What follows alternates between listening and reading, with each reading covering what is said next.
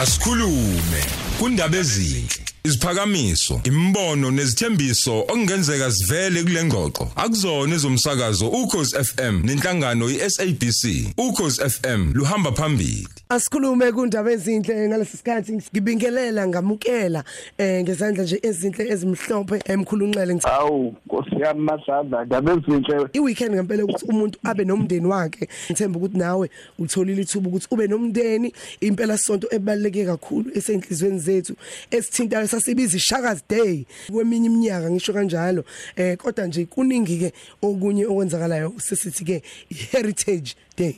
Kunjalo Masadla yonke into siyajabula uma ukuthi njalo unyaka nonyaka siyawubona unyaka siphinde siwubone unyaka njengoba sisuka nje osukwini olukhulu lwamasiko lwamagugu izolo angazi ngathini? Emadlala kunjalo nje? Impilo impilo impilo eh siyanithanda kakhulu sifunda okuningi kini. Em manje ke namhlanje kuseni yashuba indaba. Uma umuntu ke esethole izinto ezinhle empilweni ezenzakalayo em imoto umuzi nje imfiso zakhe ziyafezeka izinto ezikhulekela izinto ezicela izinto kade mhlawumbe iminyaka zingenzeki mhlawumbe othola ukuthi mhlawumbe ahambe ayobona umuntu onjenganawe nje mkhulunxele ukuthi izinto zakhe zivuleke inhlanhla zakhe yabona la kufanele kugezwe khona kuyagezwa. Uningi ke imisebenzi eniyenzayo. But manje uthola ukuthi ke sekuyisikhathi sokuthi abonge noma ayibusise lezi zinto aseyitholile empilweni yakhe. Wenza kanjani noma kubaleke kangakanani? Kwenziwa kanjani ukuthi abonge ngendlela efanele ngoba omunye kuthiwa awubonganga athi hayi ngabonga. Kodwa uthola ukuthi mhlawumbe akenzanga ngendlela eh ethokozisa la kubonga khona. Eh madlaza okokuqala kuyinto ebaluleke kakhulu thina bendlu emnyama uma sithenga umuzi ukuthi lowo muzi lowo noma ngathiwa usemakhaya noma ngathiwa uselokishini noma kuphi emadolobheni bese siyawubika emadladla. Inkinga ke ebakhona amadladla nento abangayinakile abantu. Ngalenkathi ngithenga umuzi noma kuthiwa ke ukuyiphi indawo yesakhiwo lapha awuthenga khona kumele ukuthi okokuqala ungakahlali kuwona. Bese uyawuhlambulula lo muzi ngoba isikhathi esiningi sithenga imizi ekade ihlezi abanye abantu. Eh singazi ukuthi njengoba bebehlezi kule mizi bebenzani khona? Mhlambe emadlaza uzothenga umuzi wena kanti lo muzi owuthengayo umuntu wakhona wayikhunda eh manje wangatshelwa wena ngathi uthenga umuzi usubona ngasonke isikhathi la ingane ziyakhala eh imali ayihlali esandleni imali uma nikela ibeka phansi kulendlu nizoyicinga nicabanga ukuthi intutho zingane. Kanti ayintshontshwanga zingane. Inkinga nina nithenga umuzi ongahlanjululiwe umuzi odilazekile umuntu wakhona wayibulala noma noma abanikazi bakhona babe uqinise ngendlela ethile umuzi mhlawumbe bawuqinise ngeyilwane yingakho ke manje ke ubona sengathi uma uyindoda noma uyinkosikazi niyalwa nibanga ngisho into engekho.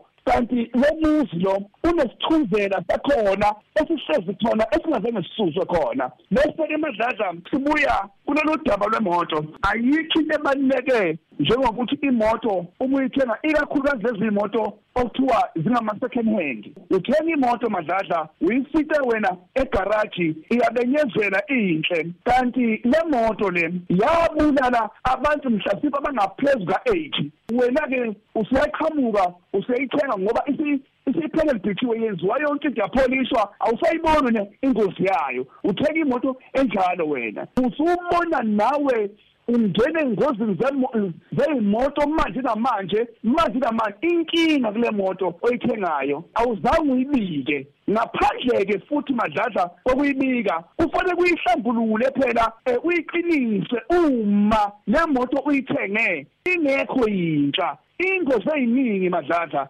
Ezenzakalayo thina besintu ingozi eziningi lezi ezenzakalayo unobudedengu thina besintu esingakwazi ukuthi uma uthenge imoto imoto ekade igitshelwe omunye umuntu imoto madladla iyaqiniswa.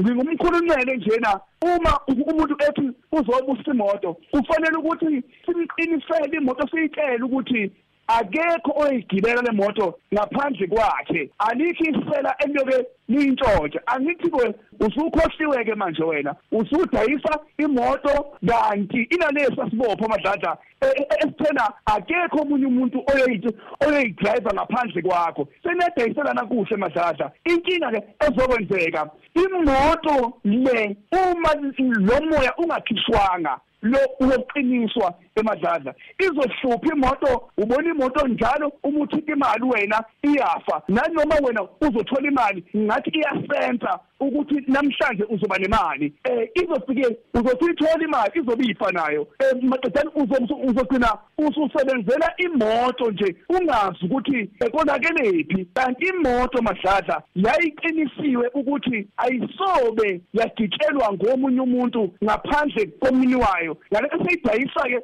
umini wayo wangabe eseyihlambulwe eyikhiphe lento oyeqinise ngayo imoto. Imoto manje iyamhlupha lo muntu wayithenga ungena engozini lokho lokho bese kuthi emadladla ke okugcina nqini umuntu akakwazi lokho noma angaba nenkanuko engakanani. Uma imoto iqinisiwe noma imoto ihlanzuliwe khona ukuthi okuthiwa ukwenza lento abayenzayo abantu behlube imizwa ukwenza ucansi emotweni. Ukwenza ucansi emotweni ayenziwa amadlala leyo nto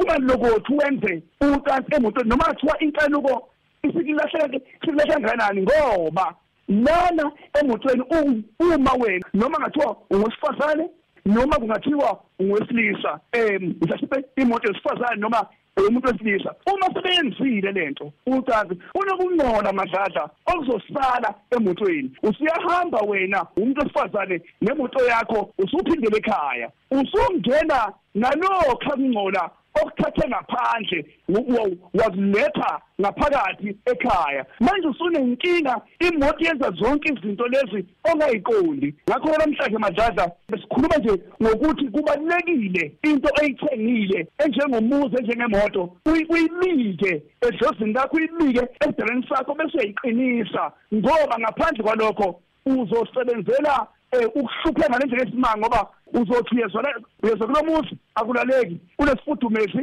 ngathi khona umuntu opokayo abekho abantu abapokayo. Wena into oyenzile uthenge umusi ungazi ukuthi wawuhlenza abantu abakanjani. Uthenge imoto ungazi noma yake yabulala yabhubhisa abantu yini waseyithenga wena yingakho ke inkinga ezikule moto njena ezikhona ukuthi wena unalo ulwazi ukuthi imoto uyithenga iyabikwa ihlanjululwe ikakhulukazi ngampela madlala uma uyimoto eyisecond hand ibikwa ihlambululwe iqinise ngoba lo moto ngoba iyisecond ayisuki egarage isuka kwabanye abantu ongabazi ukuthi babenzeni kuyona madlala. Kunjalo nje. Yebo sibonga kakhulu umkhulu unxele yabona ngendlela sikhulume ngayo ukuthi engathi lezi zinto esikhuluma ngazo imoto nemizi engathi kuyezwa noma kuyinto kodwa khona into uyabona yenza lento sokuyishilo kuzosuke kwenzekile. Kodwa futhi nanokunye umkhulu engathi mina ngithe mesingena kulesi sihloko sethu siyabonga sisuka ukuthi uyibongile yini lento sokusuyithengile noma uyitholile.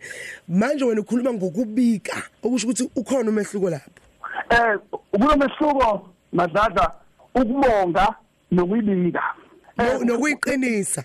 Sekukuthathu sekukuthathu ke manje. Lezi zinto ufanele kumwenza uyihlanganise zombili zontathu ukuyibika ukubonga ukuyiqinisa. Ufanele eqala uyihlanganise zonke lezi zinto madala uyibike imoto ukuthi nansi imoto ke engibe namandla okuyithenga. Maqede balapho madladla bese ke uyabonga esidalweni noma edlozini lasemsamo elikuphele emoto le? Emva kwalokho bese uyayiqinisa madlala okubi kakhulu into engifuna ukuthi bayazi abalaleli. Noma ungayiqinisa ubonke umuzi ubonga umuzi. Uma uthi uthenga umuzi okade unabantu awukwazi ukubonga kuqala ungaka ungakawuhlambululi uqinise bese uyabonga ngoba lo muzi awazi ngoba ngisho mathatha ukuthi awazi noma bawudayisa nje ilunga lawo lomndeni elinye layikhunga kulendlu wena ozolala kuyona noma ozohlala kuyona. Manje yebo mhm awusibonga kakhulu. imfundiso namhlanje kuseni umkhulu unxele wasekhanya sigodla msam utholakala kuphi nendawo? Mkhulu unxele lona wesigodlo khanya msamo kwelakithi ke madladla empangeni. Laphana nje uma ubheke endlangubo otholakala enombolweni ethi 076 824 2433 u076 824 24 double 3 eh ikhasi la Facebook umkhulu Ncwele nako Instagram umkhulu Ncwele nako TikTok umkhulu Ncwele. Asikhulume kundaba ezinhle.